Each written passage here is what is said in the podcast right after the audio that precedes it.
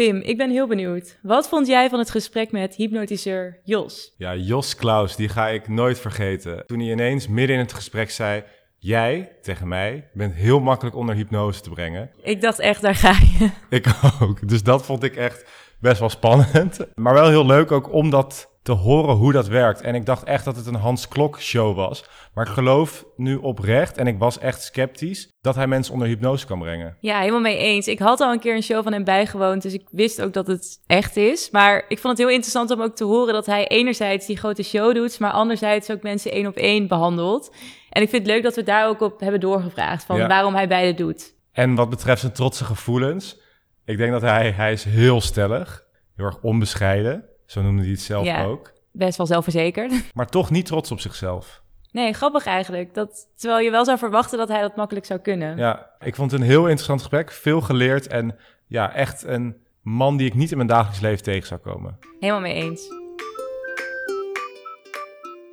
Als bescheiden Nederlander lijkt het soms moeilijk om trots te zijn.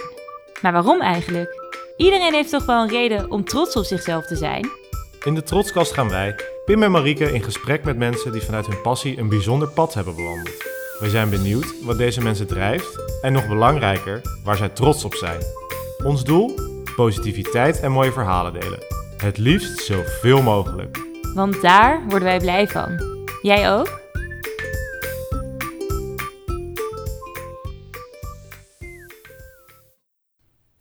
Vandaag zijn we in het verre zuiden in Heerlen bij Jos in de woonkamer uh, van zijn huis, waar hij tevens ook zijn praktijk heeft. Jos, heel erg leuk dat we hier vandaag mogen zijn. Welkom. Dankjewel. Ja, ik kende jou natuurlijk al uh, uh, voor deze opname, want ik heb ooit een hypnoseshow van jou bijgewoond, wat ontzettend leuk was om te zien. Maar Pim, jij denk ik, ik nog niet. Ik heb dat inderdaad nog niet gehad en ik heb me er een beetje in verdiept. Maar ik ben vooral van jou heel erg benieuwd, dat is mijn eerste vraag. Wat gebeurt er met mij bijvoorbeeld, als je onder hypnose bent? Dan zou ik helderziende moeten zijn dat ik daar een antwoord op kan geven. Want hypnose is iets heel persoonlijks. Het is voor ieder mens anders. De beleving, de manier waarop. Je kunt niet van tevoren zeggen, bij jou gaat dan dat gebeuren.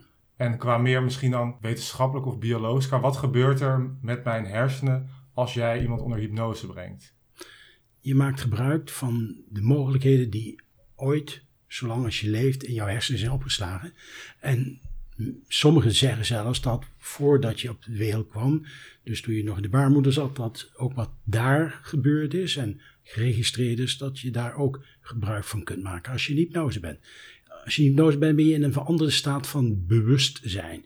En alles wat op die harde schijf, wat we hersenen noemen, is opgeslagen, eh, daar kun je in principe gebruik van gaan maken. De een gemakkelijker dan de ander, de een mhm. sneller dan de ander, maar in wezen is die mogelijkheid er. Het voelt voor mij nog best abstract om dat te begrijpen. Hoe ga je dat dan bijvoorbeeld bij iemand toepassen? Of wat, voor, ja, wat ga je dan, hoe ga je iemand onder hypnose brengen? Hoe gaat dat? Door inductie, de inleiding in de hypnose. En de inleiding in de hypnose kan op heel veel manieren. Als je in de praktijk met een cliënt werkt, één op één, dan pas je inductietechnieken toe die uh, voor de cliënt het meest geschikt zijn. Passen bij de persoon, bij het doel van de hypnosezitting, de hypnosesessie.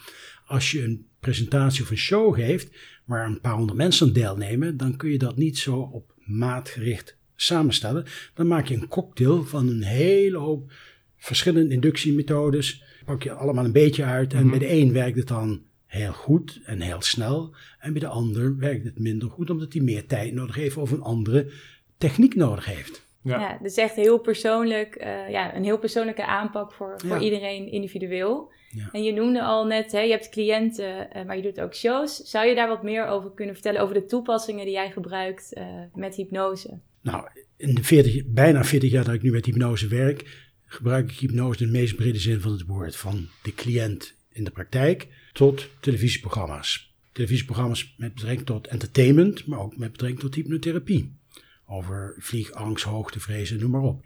Maar daartussen liggen ook trainingen bij bedrijven, bijvoorbeeld uh, Holland Casino of Heineken, uh, bij sportorganisaties. Dus alles wat met hypnose kan, daar maak ik uh, gebruik van in de betreffende context waarin de cliënt of de opdrachtgever dat graag zou willen hebben.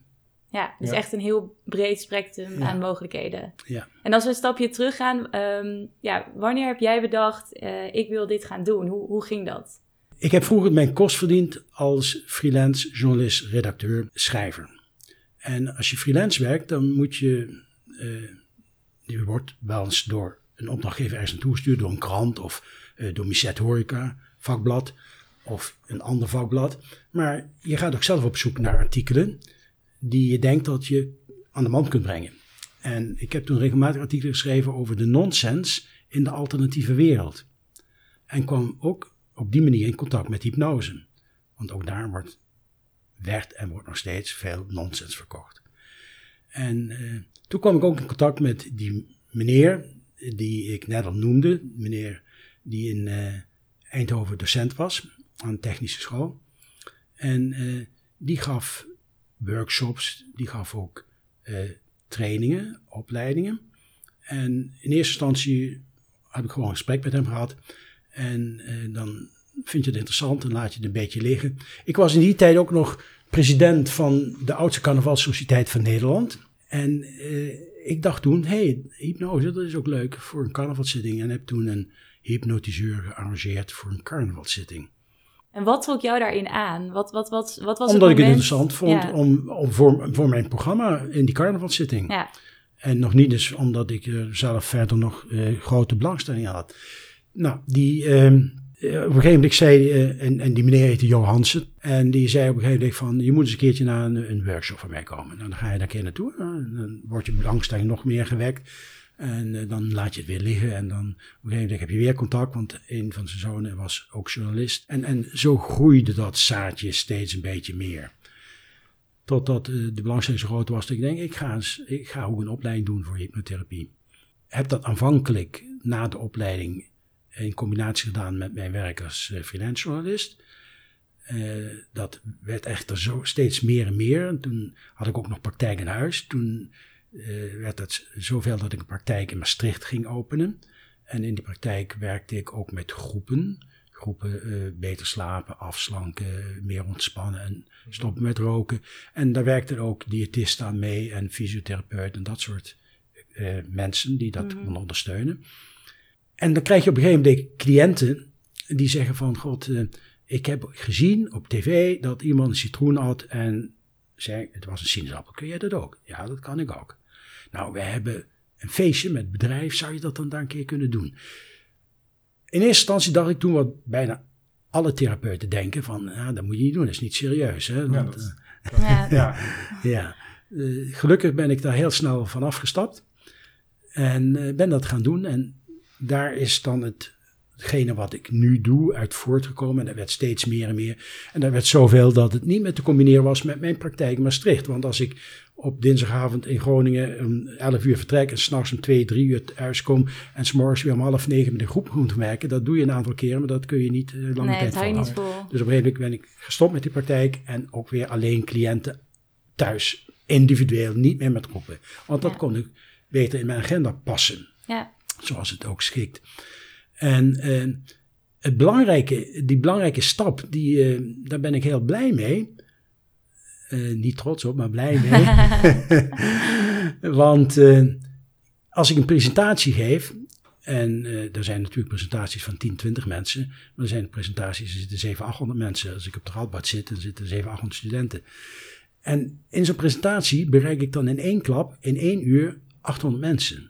Terwijl als ik alleen maar in mijn praktijk met een cliënt werk tussen vier muurtjes, dan bereik ik één. ja. Ja. Dus ik kan datgene wat ik van hypnose vind, wat je ermee kunt en hoe ik over denk, veel gemakkelijker aan de man brengen. Want zou je jouw doel dan echt omschrijven als grote groepen mensen bereiken in de zin van ehm, ze ja, bewijzen dat het, dat het echt is en dat het werkt? Of wat, wat zie je als jouw doel als je voor zo'n groep staat?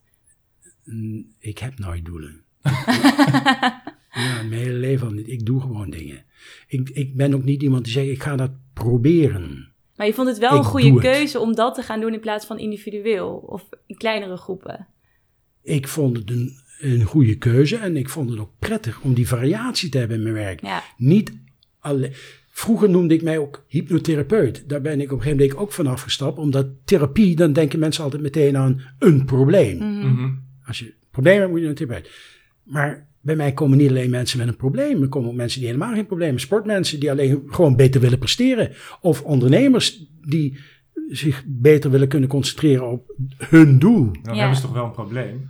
Alleen Is dat een goed. probleem? Vind ik niet. Als je niet goed kan concentreren of als je... Ja, niet goed, niet beter. Kijk, als je niet sport, heb je conditie. Ja. Als je gaat je sporten, wordt je conditie beter. En je hoeft geen probleem te hebben om gemakkelijker, sneller en effectiever je doel te bereiken. Je kunt er gebruik maken van instrumenten die je daarbij kunnen helpen. En hypnose is een instrument. Ja.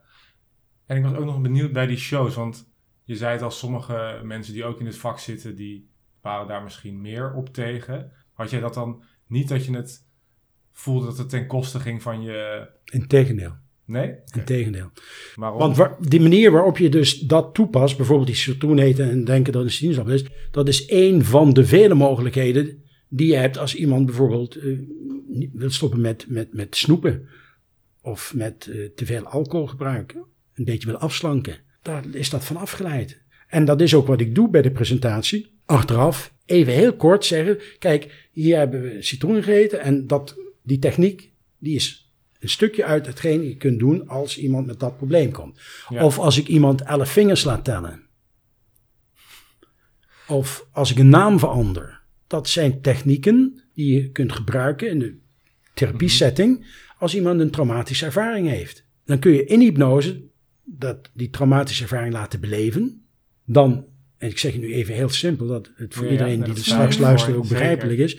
Dan dat filmpje wissen, in stukjes hakken en dan deeltje voor deeltje weer terugplaatsen. Zo veel deeltjes dan als de cliënt, CQ-patiënt, aan kan of verwerken kan.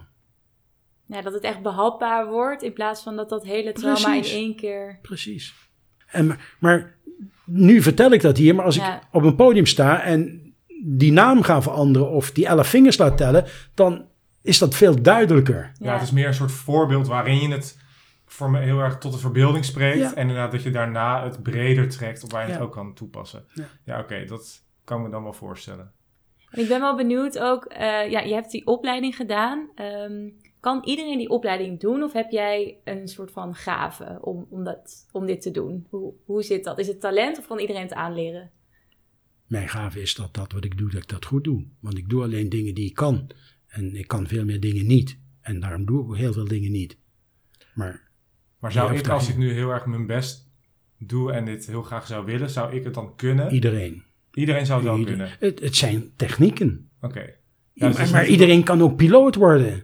Iedereen Ja. kan eh, treinbestuurder worden. Iedereen kan autorijden, maar niet iedereen wordt eh, Max Verstappen. Nee. Nee. nee, dus het is een beetje van beide. Je moet ervoor echt iets doen en je moet er ook aanleg voor hebben. Maar het is niet een soort... Je bent er niet mee, hoe zeg je dat, in de schoot geworpen. Nee. Eh, Oké. Nee, dat is wel het idee dat heel vaak eh, graag eh, wordt overgebracht en, en gepresenteerd wordt. Zo van die gave, hè, dat, dat ik dat heb en die ander niet. Ja, volgens mij Dus- wordt het soms een beetje in hetzelfde straatje ehm, gezet als bijvoorbeeld een medium die ja, een, een zesde zintuig heeft. Het is zo, dat is wat ik, het Ja, beeld precies. dat ik Ja. ervan had voordat ik ermee in aanraking Ja. kwam. Nou, Want hoe vind je dat dat beeld bestaat? jammer, En waarom? omdat het nonsens is. Ja. Wat doet dat met jou? Niks. Ik ben geen apostel, ik wil niet de wereld verbeteren, ik wil niet andere mensen overtuigen. Ja. Het is ook zo, als ik ergens presentaties of zo geef, dan komen heel vaak mensen naar mij toe en zeggen, eh, mij krijg je niet in hypnose. Dan denk je, wacht maar. Nou, dan, als jij dat vindt, dan mag jij dat zo vinden. Ja.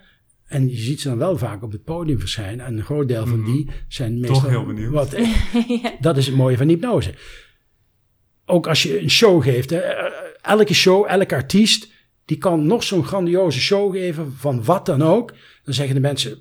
Fantastisch, wat super. De andere dag vonden ze het toch hartstikke leuk. En na een week praten ze er ook nog over, maar dan wordt het minder en minder. Hypnose niet. Hypnose blijft in het geheugen hangen. En zodra als ze weer iets zien in krant, op de tv, dan herinneren ze zich meteen weer die show die ze toen gezien hebben, of die presentatie die ze toen gezien hebben. Voor mensen die onder hypnose waren of die het ook alleen gezien hebben? Ook, ook die het alleen gezien hebben. Ja, Waarom dat is het? ook wel echt mijn ervaring. Ik heb er echt nog heel lang over doorgepraat. En nog Ja. steeds denk ik er vaak aan, omdat het zoiets... Precies. Ja, het was zo onwerkelijk en bijzonder. Hoe verklaren jullie beiden dat dan? Omdat, omdat, vooral als je het live ziet, is weer anders dan je het op tv ziet. Als je het live ziet, dan eh, zie je daar gewone mensen, vaak ook de mensen die je kent, die met jou samen naar die avonturen gekomen zijn. En dat het niet afgesproken is, dat het niet gespeeld is, dat het gewoon echt is. Nee. Het, gra- het grappige is, in die afgelopen 14 jaar heb ik circa 150 radio- en televisieprogramma's gemaakt en films gemaakt Mhm. in, in vier verschillende landen. De meeste voor de camera, maar ook een aantal achter de camera. Bij tv wordt heel veel gefaked, in scène gezet. Mhm. En de mensen geloven dat het echt is. Wat je van mij ziet op tv, in een film of hoort in een radioprogramma, is nooit in scène. Het is altijd 100% echt. Want ik doe het niet. Er zijn ook dingen die niet lukken. Ik heb het al gehad. Hadden we een programma eh, over hypnotherapie en eh, die mevrouw die had watervrees. Die durfde niet met de kleinkinderen naar het zwembad en naar de zee. We gaan naar een zwembad. Ik zeg tegen die mevrouw, ga je maar omkleden en dan gaan we zo meteen kijken hoe ver we komen. Mevrouw komt uit het badhokje, springt in het water gaat zwemmen. Dat was een heel andere reden waarom die jarenlang tegen iedereen vertelde dat ze niet in water durfde. En dan sta je daar met een cameraploeg, met geluidsmensen. En tv maken is erg kostbaar. Zegt hij, shit, hè, dat, eh, nou wat nu hè? Nou, zullen we doen alsof? Nee, nee, dat doe ik niet. Nee, je blijft dan echt bij je waardes. Ik blijf bij Ja. Ja. En wat doe je dan met mensen? Want ik moet toegeven, en ik denk met mij ook best veel luisteraars, dat mensen toch denken, doordat ze heel veel tv-shows kennen, dat dus een hypnotiseur, dat dat vaak ja, een soort Uri Geller show is. Ja. Eh, en inderdaad dat mensen zeggen dat er niet mensen in het complot zitten, maar dat dat toch wel zo is. Ja. Ehm, hoe verklaar je dat dan? Dat er ook heel veel slechte hypnotiseurs zijn? Ja, ik ben, ik ben gewoon benieuwd naar wat jij ervan vindt Mm. als mensen dat denken. En hoe je dat beeld wil ja, ontkrachten. Dat, dat kun je bijna niet ontkrachten. Dat komt door de manier waarop het gepresenteerd wordt. En zeker als je televisieprogramma's maakt en ook als je film maakt, dan eh, zie je hetgeen aan vooraf gaat, de inductie, eh, zie je daarin vaak niet. In een aantal van mijn televisieprogramma's, onder andere met eh, Jan Smit, ik weet niet of jullie dat toevallig kennen, van, eh, dat heette Ik weet wat je deed. Of ook met eh, Van je vrienden moet je het hebben, met Patty Bart en noem maar op. Eh, Daar hebben ze gelukkig een stukje van dat begin laten zien. Van toen die mensen naar de casting kwamen en eh, toen ik ze getest heb. En ook een stukje van, maar het is nog altijd maar, het zijn maar delen van minuten die je daarin kunt zien. Maar men heeft geprobeerd dat toch Dat een beetje uit die... beeld. De hele eh, aanloop er naartoe en voor. Ja. Maar, eh, maar het, is, het is wel mogelijk. Ik heb het een, ook gehad bij een Duitse televisiezender. Die belde mij en zei: eh, Volgende week we- hebben we een opname. Wat we gepland hadden, dat gaat niet door. En, zou jij eventueel iets met hypnose kunnen doen?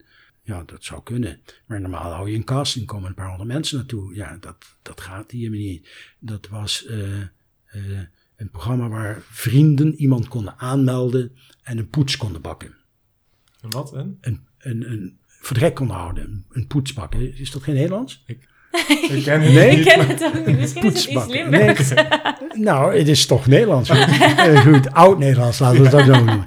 Het is voor de, eh, voor de gek kunnen houden. Oké, Oh. Eh, hoe heet het op zijn Engels? Hoe heet het op zijn Engels? Want het programma had een Engelse naam. Pranked? Ja, Ah, ja. ja, Oké. precies.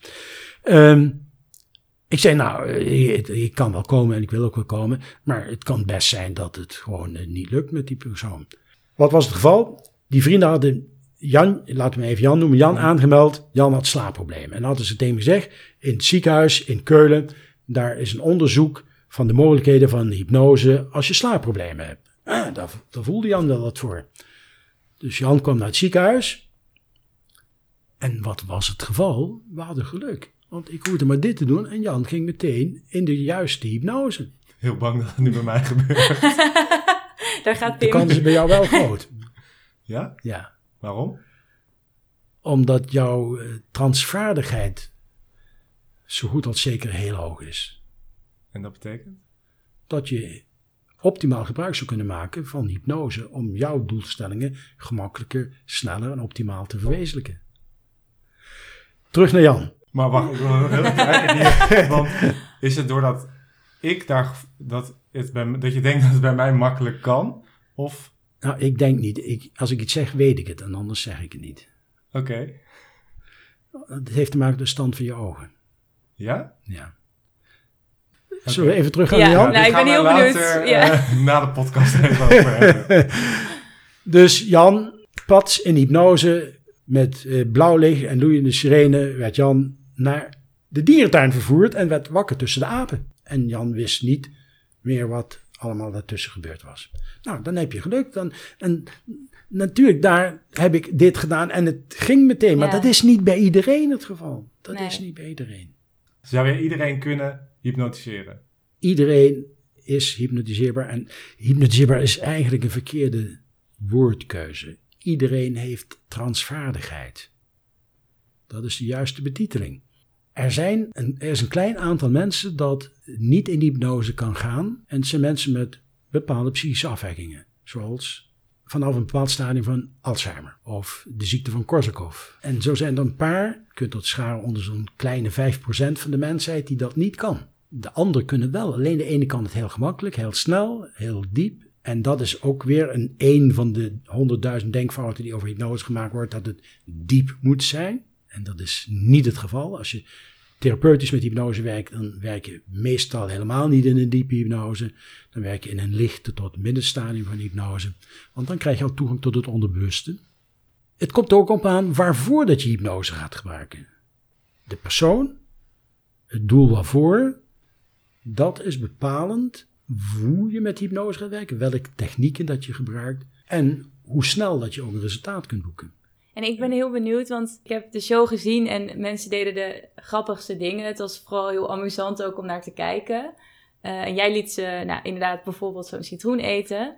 Maar eh, als je het om zou draaien naar een ja, minder amusante kant, zou je mensen ook ja, kunnen, eh, ja, slechte dingen kunnen laten doen. Hoe ver kan je mensen Ja, laten gaan onder hypnose? Ieder mens heeft een controller. En die controller zegt tot hier en dan houdt het op.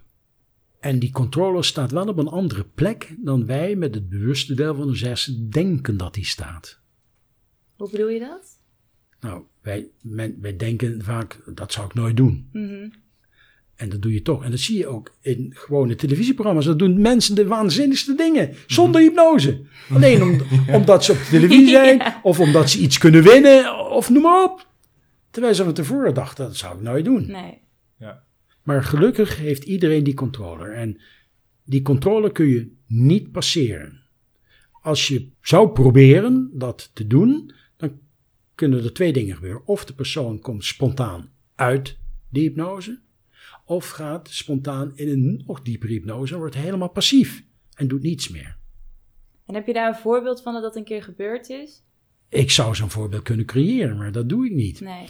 Kijk, ik geef ook eh, presentaties en, en lezingen en ik werk mee aan onderzoeken bij universiteiten. En als ik eh, dat soort grapjes tussen aanstekens zou gaan uithalen, dan loop ik het risico dat ze daar zeggen, ja, met jou willen we eigenlijk niet meer zo graag samenwerken. nee. Mhm.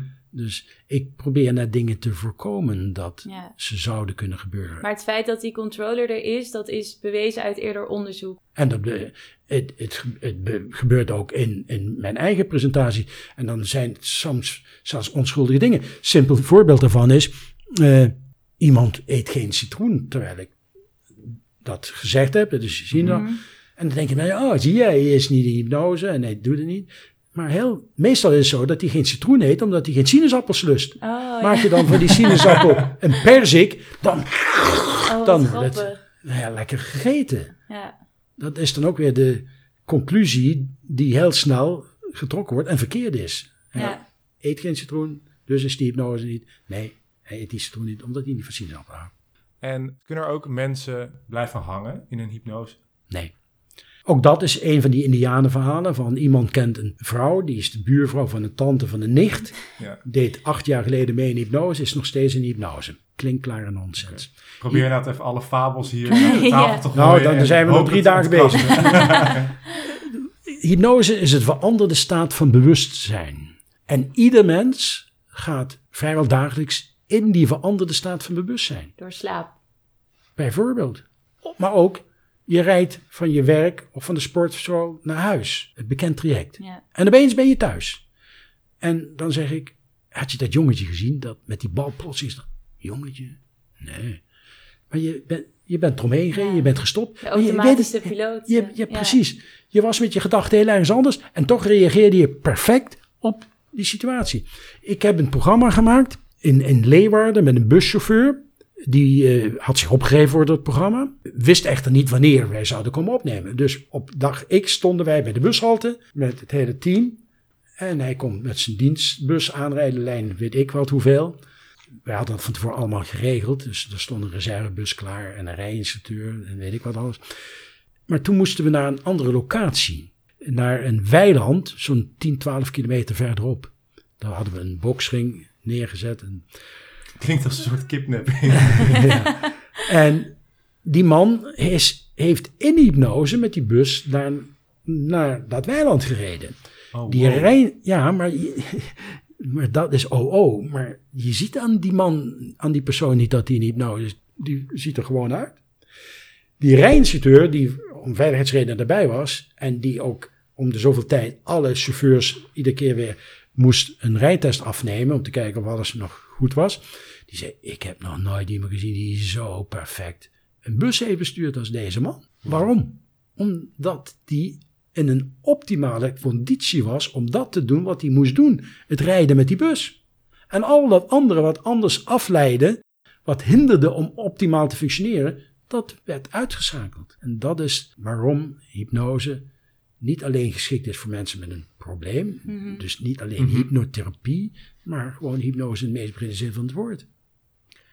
En je gaf aan eh, over een voorbeeld van, ik weet het niet meer over welk voorbeeld, maar dat mensen vaak niet precies kunnen herinneren dat ze iets hebben gedaan.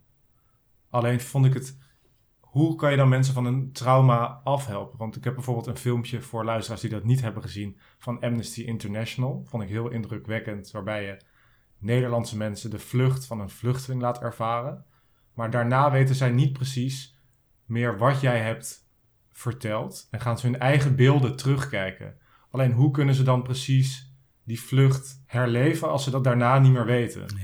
Als je in hypnose bent en dingen doet en je daarna niet, daarna niet meer weet, dan betekent dat, in mijn geval, ik praat nu over mijn manier van werken, Mhm. dat ik amnesie heb toegepast. Dus een gedeeltelijk geheugenverlies, wat niet het juiste woord is, om een bepaalde reden. Ik doe dat alleen als daar een reden voor is, een noodzaak voor is. Ik pas het anders nooit toe. In een show pas ik het niet toe. Ik pas alleen toe als er een reden voor is en als ik dat met de betreffende ook van tevoren heb afgesproken.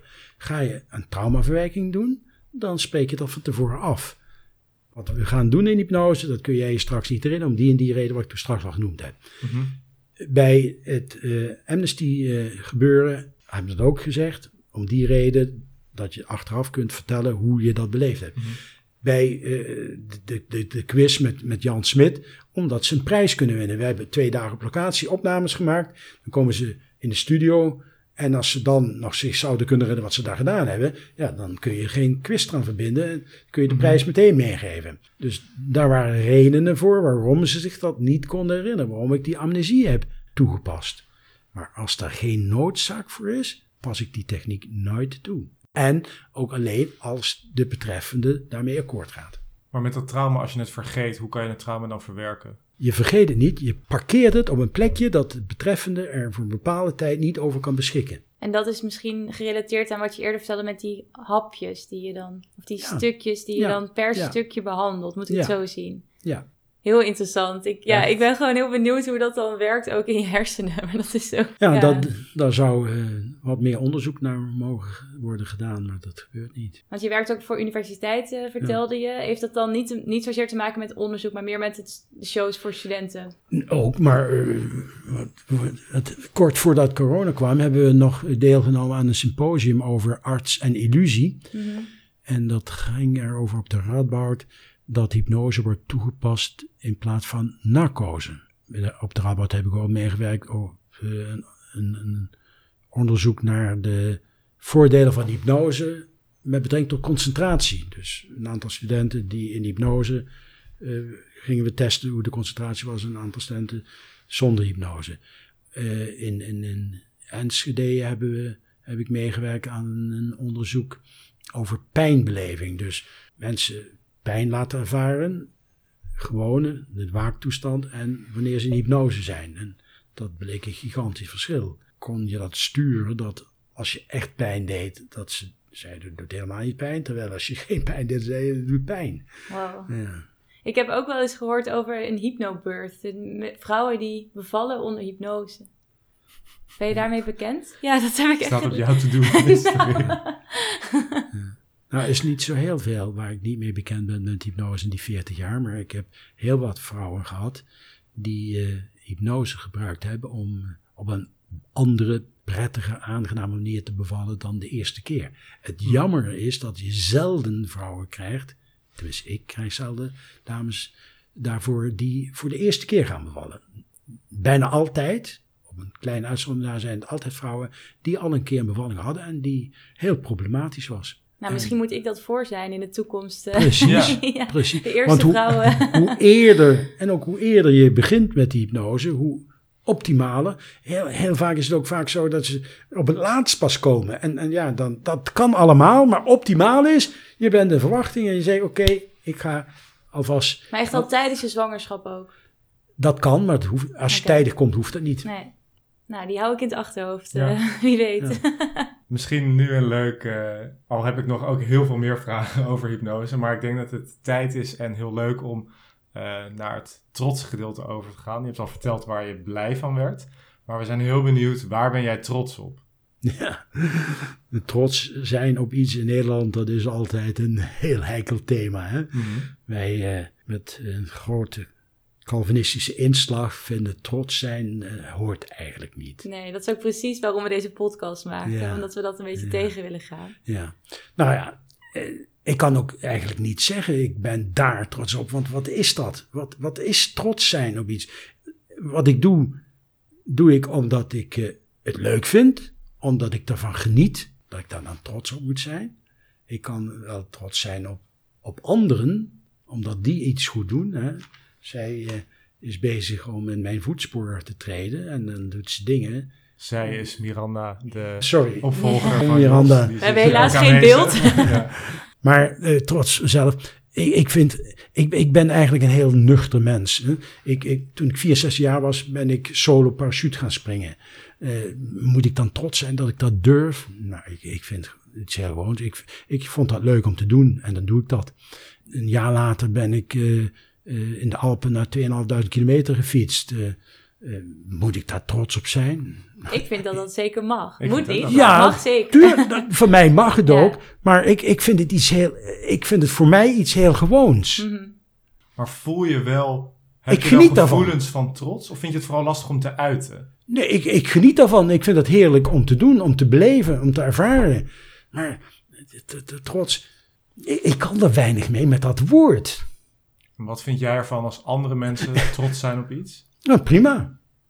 Maar ik, net zo, ik, ik kan heel bescheiden zijn, maar ik kan heel, ook heel onbescheiden zijn. En dan vinden mensen dat vaak arrogant. Nou, dat vind ik dan helemaal niet. Want als je in de schaduw staat, word je niet gezien. Dus er zijn situaties, mm dan moet je onbescheiden zijn om dat te doen wat je graag wil doen. En wat voor situaties zijn dat waarin jij onbescheiden bent? Onder andere in mijn werk en onder andere als er gesproken wordt over dingen die ik eh, ken en waar ik meer van weet dan anderen die menen daar iets van te weten. Dus echt het kennis van je vak eigenlijk? Van mijn vak, maar ook buiten mijn vak nog van andere dingen. Uh, bijvoorbeeld, ik, ik heb vroeger met, heel veel met honden gewerkt. Ik heb honden opgeleid van gedrags- en gehoorzaamheidsoefeningen tot verdedigingshond en speurhond toe en politiehond toe. En dan hoor ik mensen heel vaak praten over honden en dan denk ik, ja jongen, waar heb je het over? Hè? We hadden het toen straks nog even erover. Wanneer kun je, wanneer kun je zien dat iemand een goede hondenopleider, instructeur is? Naar mijn mening, als je iemand met een hond gaat laten speuren, dan zie je of dat iemand is die goed met honden kan werken of die verstand heeft van honden. Want als je met een hond gaat speuren, dan moet je die hond vertrouwen. Want die, hond, die neus die die hond heeft, die hebben wij niet. Maar dan zie je heel vaak eh, hondeninstructeurs die dan proberen die hond te vertellen wat hij moet gaan doen. En dat, dat, dat kan niet. En als daar dan over gesproken wordt, nou, dan, dan kan ik eh, heel onbescheiden worden en zeggen: luister, hou je kop, ik weet het veel beter. En ik heb bewezen dat ik het beter weet. En toch nog even terug over dat trotsen. Want ik vind het heel interessant dat we jou spreken, omdat ik denk jij een heel goed voorbeeld bent van wat heel veel Nederlanders zijn. Namelijk dat die dus het lastig vinden om trots te zijn. Of in ieder geval dat gewoon minder hebben. Ehm, waardoor denk jij dat het komt dat Nederlanders minder trots zijn, minder snel trots zijn op zichzelf? Ik denk omdat ze bang zijn om uh, onbescheiden te zijn. Dus dat ze dan worden gezien als arrogant. ja. En dan, dan citeer ik heel graag uh, Simone de Beauvoir. Uh, arrogance, arrogance is only when you are wrong. Mensen, men, mensen vinden mij ook heel vaak heel eigenwijs. Terwijl ik alleen maar een, een stabiele eigen mening heb. En wat vind je van die reacties, van die negatieve reacties? Heerlijk. Ja? Ik geniet ervan dat mensen mij ook niet moeten. Daar geniet ik net zo van dan met, dat mensen mij wel moeten, want dat betekent dat ik gewoon mezelf ben. En het, het, mooi, eh, of het bijzondere in mijn leven is, er zijn altijd twee groepen. De ene groep die mij uh, prachtige kerel vindt en uh, waar je de, bomen mee kunt omtrekken. En een andere groep die mij de meest afschuwelijke kwal op deze aardbol vinden. En er zijn zelden of nooit mensen die geen mening hebben. Het komt ook door mijn verleden. Ik heb heel veel in het sociale leven gezeten. Voorzitter geweest van een politieke partij, president van de Oudste voorzitter van de hondensportvereniging. En ga zo maar door. Dus mensen hebben, heel veel mensen hebben een mening hier in de regio over Mhm. mij. Dus ook zonder dat ze mij ooit gezien hebben of ooit gesproken hebben, eh, weten dat ik prachtig ben of dat ik een afgrijzelijke vent ben. Dat is toch prachtig? Want dat betekent dat ik me niet uh, vervorm en, en zelf uh, in alle aan bochten moet wringen. Nee, je bent gewoon wie je bent en ze moeten het maar nemen of niet. En, Ja. ja. Voel je je Ja. nooit eens onzeker dan? Nee. Ik, ik mis gewoon een paar genen en dat is onzeker voelen. Want ik doe alleen wat ik kan. Wat ik niet kan, doe ik niet. Mhm. Daarom zeg ik ook, ik, ik ga nooit dingen proberen. Ik doe ze of ik doe ze niet. Want als je zegt, ik ga het proberen, dan houd je al een, een vluchtweg vrij. Van, ja, misschien gaat het niet lukken. En, hè, ik, ja, ik heb het toch geprobeerd. Hè. En, eh, en ik ben nooit bang. Dat betekent niet dat ik gewoon de straat overloop zonder te kijken of er een auto aankomt. Dat, zo, zo simpel is het natuurlijk ook niet. Maar nee, angst ken ik niet. En ik ben ook wel benieuwd, normaal stellen we altijd de vraag ehm, aan onze gasten van wat wil je mensen meegeven die het lastig vinden om trots op zichzelf te zijn? Volgens mij vind je het zelf ook lastig of voel je dat niet zo. Maar wat wil je meegeven aan mensen die bijvoorbeeld moeilijk vinden ehm, om zeker over zichzelf te zijn? Want dat ben jij overduidelijk wel. Nou, Wat wil je mensen meegeven die dat lastig vinden? gewoon jezelf zijn en die dingen doen die je kunt. En die dingen zeggen die je weet. En dingen die je niet weet, gewoon je kop houden. Mensen hebben mij ook wel eens geleerd dat je soort van inderdaad juist wel dingen moet proberen die je niet kunt. Dat je een beetje buiten de gebaande paden je gaan. dat- Dat je daardoor ook weer meer kan leren. Als jij dat prettig vindt en denkt dat je daar baat bij hebt, moet je dat doen. Tuurlijk. Maar voor mij geldt dat niet. En ik heb, er, ik, ik heb er ook geen zin in om dat te doen. Als ik een psychologische test deed in het verleden, dan kwam er bijvoorbeeld altijd uit dat ik heel geschikt was voor hele fijne beroepen, zoals bijvoorbeeld horlogemaker. Mhm. Maar als ik een schilderij op, als je een schilderij van nu pakt, hangen, dan zijn er zeker zes gaten achter voordat het ophangt. Mhm. Dus dat betekent dat ik met die kwaliteit nooit iets gedaan heb. Waarom? Er zijn redenen voor, maar ik ben er niet, eh, ik heb er geen, eh, geen handicap aan overgehouden en geen trauma aan overgehouden. Nee, dus denk de wijze les, hè? blijf bij jezelf Precies. en ben zeker van wat je Geloof doet. in jezelf. Ja. Ja, ja. En ook als iemand iets over jou zegt of een oordeel over jou velt, denk even na vanuit welke positie dat doet. Heeft hij de kennis van zaken? Heeft hij het niveau om dat oordeel, om die mening over jou te kunnen hebben? Mhm. Prima. Dan doe er iets mee. Maar heel veel mensen hebben een oordeel, hebben een mening, een veroordeling, zonder dat ze daar eigenlijk voor in de positie zijn om dat te mogen en te kunnen doen. Leg het dan naast je neer. Hou je daar niet mee bezig. Verspil je tijd er niet aan. Wijze les. Wel een lastige voor heel veel. Tuurlijk, is- tuurlijk, tuurlijk.